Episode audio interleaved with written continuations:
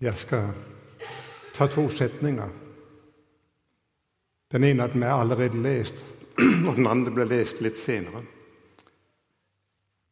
Min far, er det mulig, så la dette begeret gå meg forbi.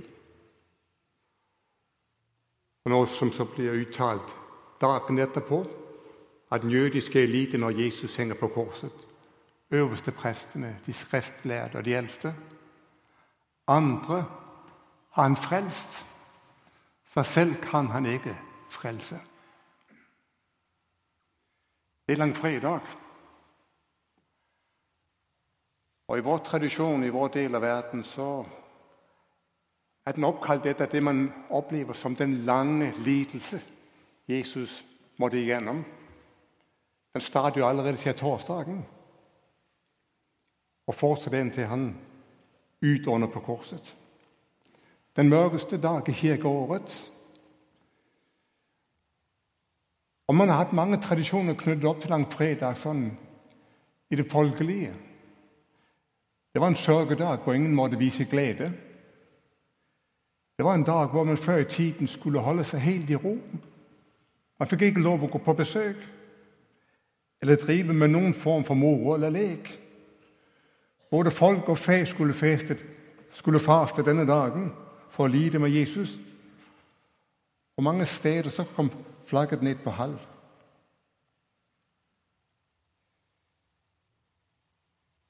Helt fra jeg var en liten gutt, så har jeg filosofert litt over det her med langfredagen. For den gjorde inntrykk. Allerede tidlig syntes jeg det var helt uforståelig at han som bare var god, full av kjærlighet, skulle møtes med en uforståelig ondskap. Jeg liker ikke langfredagen, for jeg liker best happy ending. At det er noe godt til slutt. Og kanskje gjør det det. Det får vi se. Men det grufulle, det uforståelige Han ble sviktet av alle, og til slutt så må han dø.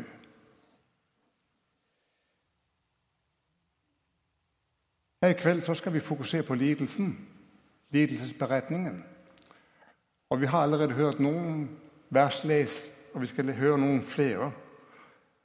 Og Det er intet menneske som kan være uberørt av dette dramaet, denne tragedien som man oppfatter det som.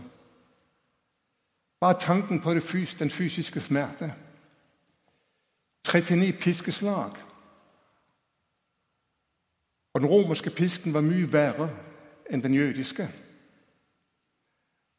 Det var lærreimer som var flettet, med beinbiter og jerntakker flettet inn. Og Straffen den var så forferdelig, så ille, at det hendte at noen døde allerede under piskingen. Etterpå ble det presset en tårnekrone ned over hodet. Jeg er den fra Notre-Dame, men det var nok en helt, helt annen. Men blodet det begynner å flyte.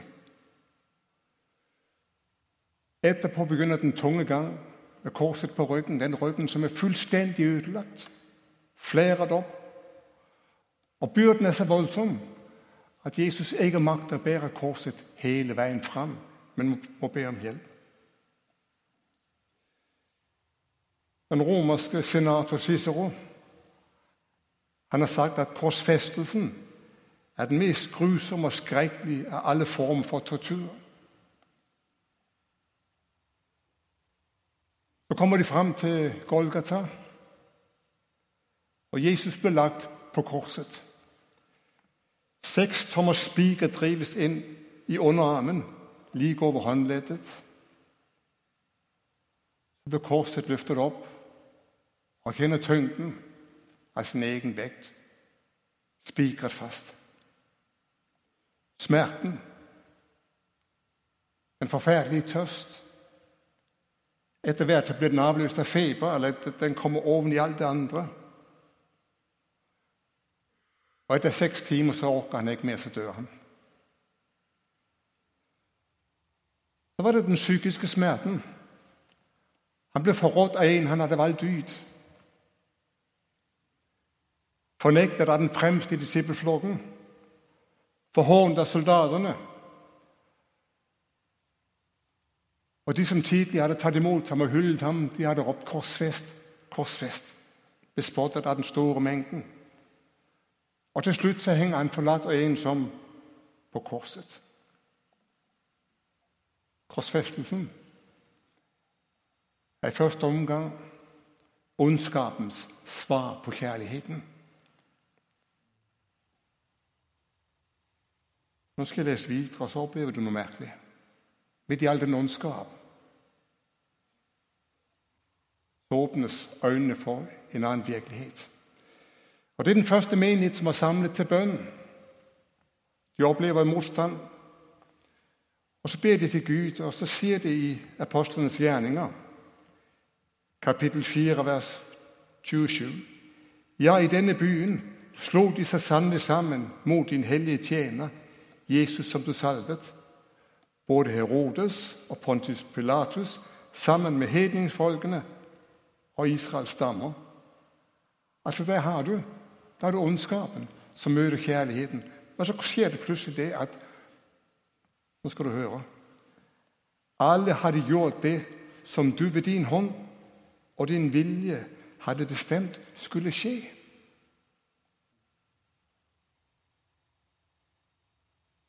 Og Det som er det mest fantastiske, det er jo at Gud snur ondskapen til det beste som kunne hende i denne verden. Så suveren og så mektig er den Gud vi møter langfredag. Ved din hånd og din vilje, sier den første menighet. Altså, det var noe Gud egenrådig, av egen vilje, hadde bestemt.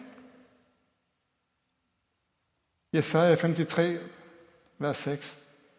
Men skylden som vi alle hadde, lot Herren ramme ham. Og lenger ute det var Herrens vilje å knuse ham med sykdom.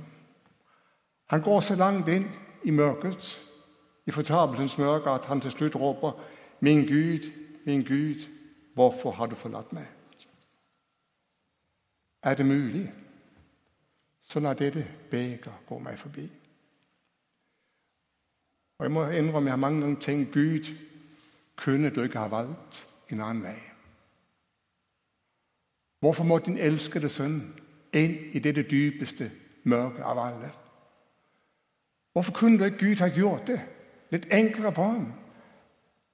Litt mer forståelig? Hvem er den Gud som velger korsets vei for sin sønn? For det første, det er den hellige Gud. I Jesaja så møter vi en beskrivelse av Gud. Egentlig ikke noen beskrivelse, men en proklamasjon av hvem han er. Hellig, hellig, hellig er Herren. Det er Han som er høyt hevet over det skapte. Det er Han som er majesteten, universets ubestridte midtpunkt. Det er den feilfrie Gud det er den fullkomne, rene Gud. Han er et lys, og i ham finnes det intet mørke. Og Peter Dass har beskrevet det så fantastisk. Gud er Gud om alle land lå øde. Gud er Gud om alle mann var døde. Hans renhet er så blendende at selv de mest hellige vesener som er rundt hans trone, på en måte skjule sitt ansikt for ham. Og Denne hellige Gud han er i konstant motsetningsforhold til synden. Han kan ikke ha noe å gjøre med synd eller ondskap i noen som helst form. Og synden og ondskapen vil ødelegge alt det gode han har skapt. Helligheten kan sammenlignes med ilden. Den kan ikke inngå noe kompromiss. Enten så slukner ilden, eller så fortærer den sitt bytte. Gud er den hellige Gud som kjemper mot ondskapen til den endelig er beseiret.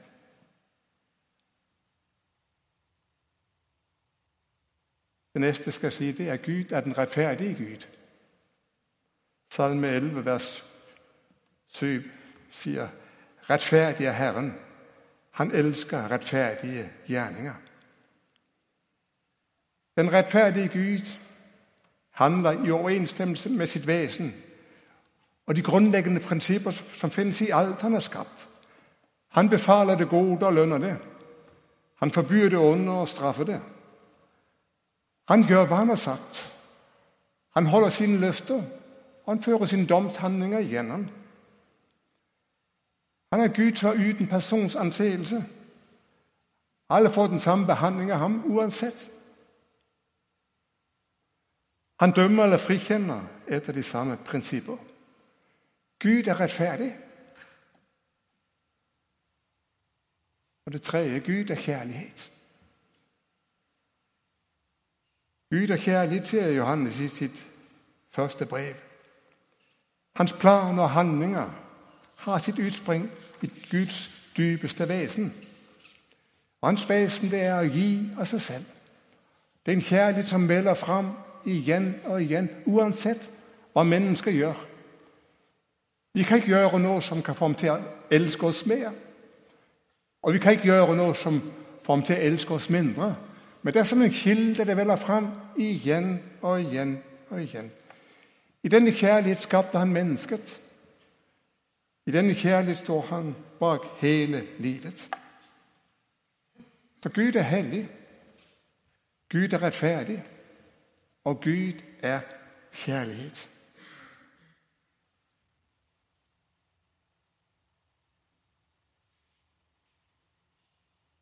Gud måtte velge et kors for å være den han er.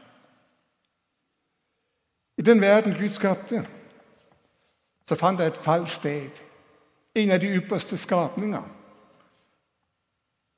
Ville være Gud lik, ville ha samme posisjon. Han gjorde opprør.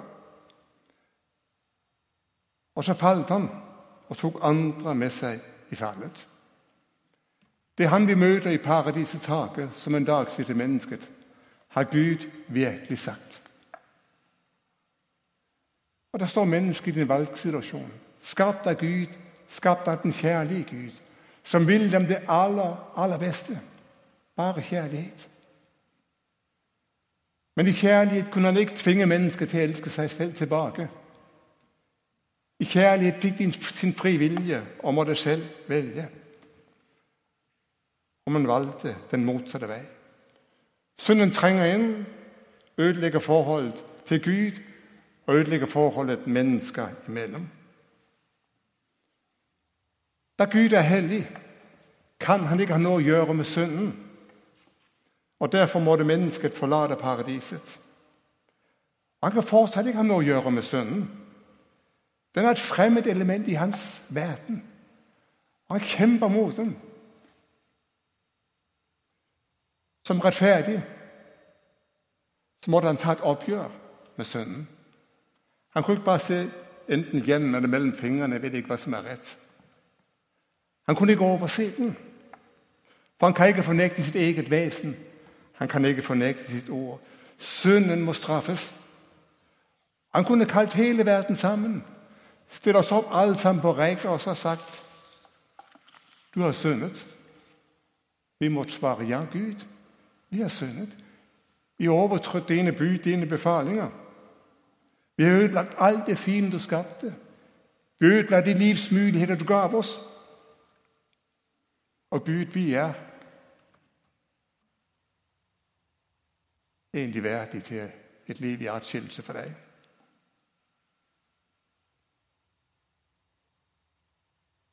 Men det fantastiske budskap det er Gud sender sin sønn til verden i kjærlighet. Gud ønsker fortsatt fellesskap med syndere. Gud elsker syndere. Han elsker dem så høyt at han gav sin sønn. At han sendte ham til denne verden. Som et menneske levde sitt liv ut fra menneskelige begrensninger. Levde sitt liv under de kår alle andre mennesker må leve under. Hans mål det var å leve etter Guds vilje. Han ble prøvet. Han ble fristet. Og de fristelser, han måtte igjennom, det var reelle fristelser. Det var ikke et spil for galleriet, hvor han bare kunne knipse i fingrene, så var djevelen borte. Han måtte leve seg igjen med eneste fristelse. Fra dåpen helt frem til korset. Men han holder mål. Når de skal dømme ham, den menneskelige domstol, så finner de ikke en eneste feil hos ham. Og når han står for Guds ansikt, så står han ren og feilfri. Fullkommen ren, verdig til et himmelsk liv. Denne feilfri Jesus Kristus, han velger så å ta på seg all verdens synd. Den som har begått inntil da, og den som kommer til å bli begått inntil Guds rike kommer i all sin herlighet. Den synd tar han på seg. Og Paulus skriver så sterkt at han blir gjort til synd. Han var ett med all den synd som er begått når han henger på korset. Så går han inn i fortapelsens mørke. Han blir forlatt av den hellige Gud. Han betaler prisen fullt ut. Han legger hele sin guddommelighet i dette. Og Hvis ikke han hadde lagt hele sin guddommelighet i dette, så var det bare han selv som hadde gått fri. Og så ble vi undret. Herre, i korset møter du Guds hellighet. Han kan ikke ha noe med synden å gjøre. I korset opplever du Guds rettferdighet. Han tar på seg straffen selv. Så høyt elsket Gud verden at han gav. Det var ingen annen vei om Gud skulle være Gud. Andre han frelst, seg selv kan han ikke frelse. Det var Guds vei til deg. Men det finnes vel ikke noen annen vei for deg til Gud. Korset er møtestedet. Vil du møte Gud, så finnes det ingen andre steder. Men her er den åpen sammen. Her er det en kjærlighet som møter deg presis der du er. Jeg kommer aldri til å skjønne det her. jeg. Aldri. Jeg kommer aldri til å begripe det. Men jeg vet at her er han å finne. Her møter han oss. Den engelske forkynneren og teologen John Stott han har sagt før vi kan begynne å se korset som noe det er gjort for oss, må vi se korset som noe det er skapt av oss. Det var for å frelse deg. Forstå hva synden at han, den hellige, rene, måtte gi seg selv for å kjøpe deg og meg fri. Og Da er det godt å vite det holder, det her. Uansett hva du kommer til å møte, så holder det det korset. Og så skal jeg slutte. Langfredag kaller vi det i vår tradisjon. I den engelske verden så sier man 'the good Friday'. Den gode fredag. Det er den lange fredag.